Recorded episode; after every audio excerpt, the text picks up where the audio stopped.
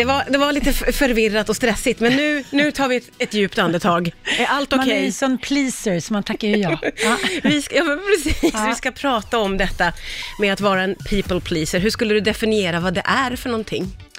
Ja, men jag kan tänka att eh, jag är ju en people pleaser och eh, jag säger aldrig nej, utan jag säger alltid ja eller ja. Ja. Vilket påverkar mitt eget mående i långa loppet såklart. Mm. Så att jag kan säga så här att en, en people pleaser är någon som har i sitt DNA att alltid liksom plisa andra människor före sig själv. Det låter ju som en eh, positiv egenskap. Ja, men det är ju det på mångt och mycket, men som alltid så gäller det om den där äh, yogabalansen. och eh, ja, men alltså jag tycker att man ska vara en ja-sägare, så jag tycker inte att det handlar om det. Men eh, när man säger ja allt för, liksom allt för ofta, så kan man ställa sig frågan så här, varför måste man ställa, svara ja så snabbt? Kunde man inte vänta en sekund? Måste man hela tiden liksom leverera? Och när man träffar människor som är väldigt tydliga med sitt ja eller nej, så har man ju aldrig liksom anklagat den för att vara tråkig eller trälig eller missunnsam eller någonting, utan det är bara så här, gud vad skönt med någon som är tydlig. Nej, idag vill inte jag det, för jag vill det eller det, eller jag kan inte eller hit och dit. Men eh, istället så tror jag såklart att folk ska tycka att jag, ett, är tråkig, två, eh, inte är snäll, tre, eh, liksom eh, inte bjucka på mig själv och eh, man har ju också en roll ofta från barndomen, att man ska vara en viss typ av person. Ja. Och Om man vill ifrågasätt- vara omtyckt. Ja, man vill ju bara det. Ja. Det är ju människans enda mål. Ja, Men man kan hur? ju bli det ändå.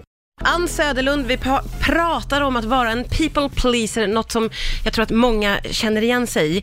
Eh, och vid första liksom, eh, blicken så tänker jag det känns positivt att vara någon som säger ja och ja och ja. Men det är klart att det finns fallgropar för en själv. Vad kan det vara för någonting? Men det är ju tråkigt att alltid dra upp den gamla kvinnofällan. Men nu måste vi Men göra det ändå. då gör vi det. Ja. Ja. Du och jag pratade om här i- under musik, eh, musiken att man är en duktig flicka även fast man är gammal. Ja.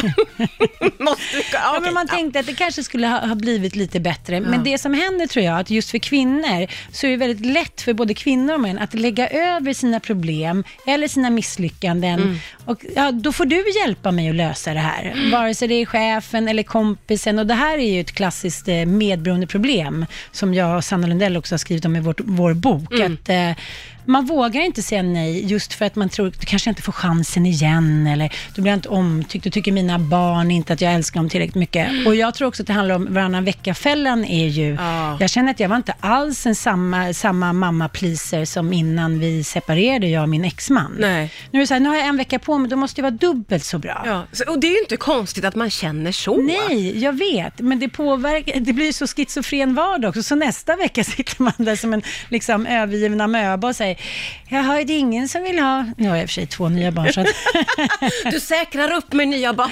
nej, men, men det är ju faktiskt så här att jag tror att man får sätta sig ner och kanske kolla igenom lite sin vardag. Hur många gånger det här händer, att man kanske säger ja eller plisar någon fast man inte vill. Och eh, jag läste en artikel där det stod så här, hej, här är sju förslag på sätt du kan säga nej på. Ja, okej. Ja, istället för att här, kasta sig ur ja eller nej eller få någon så aggressiv eller undflyende stil. Jag har ju varit väldigt undflyende genom åren. Sen ja, Ja, just det. en, en För ja, du vill inte säga ett rakt nej. Precis, Nej. då känner jag mig taskig. Ja. Och det här sitter i sen jag säger, kommer ihåg första känslan av det där sen jag var typ tre fyra år. Men gud, gör du det? Ja, det gör jag. Det är ett helt liv av att inte vilja såra någon.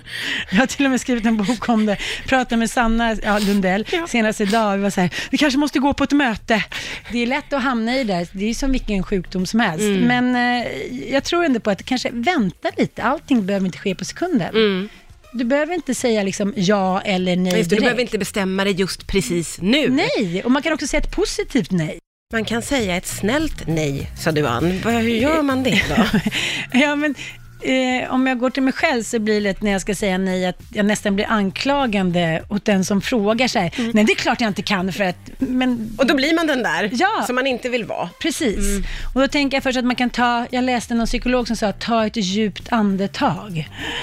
Andas in som en yogamaster och sen på vägen ut så blir du liksom lite mer filos, ja, filosofisk och harmonisk och så säger du till exempel, jag kan inte idag men kanske om två veckor eller så, här, jag kan inte hjälpa dig med din uppgift men jag har jättebra kollegor till exempel. Ah. Att man hittar någon, eh, någon positiv eh, Jättebra. nej-sägning. Det Ja. tycker jag var superbra förslag. Där ska man ju eh, komma på och öva in, Mm, så att man har dem med sig. För i de där stunderna kommer man ju aldrig på något vettigt att säga, förutom ja, det vore kul. Ja, men eller till exempel som inför barnen där jag har väldigt svårt att säga nej, så kan man ju bara ja, förklara för dem hur ofta de säger nej till mig. Mm. Man kan göra en liten utvärderingslista, det har jag gjort några gånger. Ja. Och så har jag sagt så här, varför säger jag ja? Och sen så har jag liksom, för det innebär också så mycket ångest. Om du till exempel inte vill gå på någon tillställning med någon gammal klasskompis som du absolut inte Mm. gillar längre och som du känner skuldkänslor för av ett eller annat.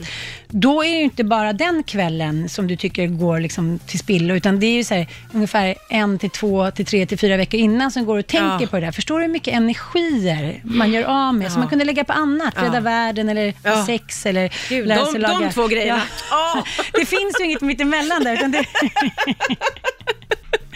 Nej, jag tänker också att det här med att vara en, en pleaser, eh, det ligger nog mycket hos en själv. Ja. Att andra kräver inte det av en, utan har man så här sagt nej eller s- uttryckt sina behov några gånger, då vet folk att man liksom man har, en, man har sin gränssättning och det, det är det det handlar om. Men det är väl bara att öva som allt annat. Ja men precis, och det är Ja. väl jättebra att eh, utvärdera och eh, öva in några Ja. nej, snälla nej-fraser Precis. som man kan liksom slänga sig med. Ja, och ibland kan man faktiskt också bara vara väldigt så här, tydlig och inte så emotionell och, och eh, kanske ha lite föreskrivna nej. Ja, Ja. ja.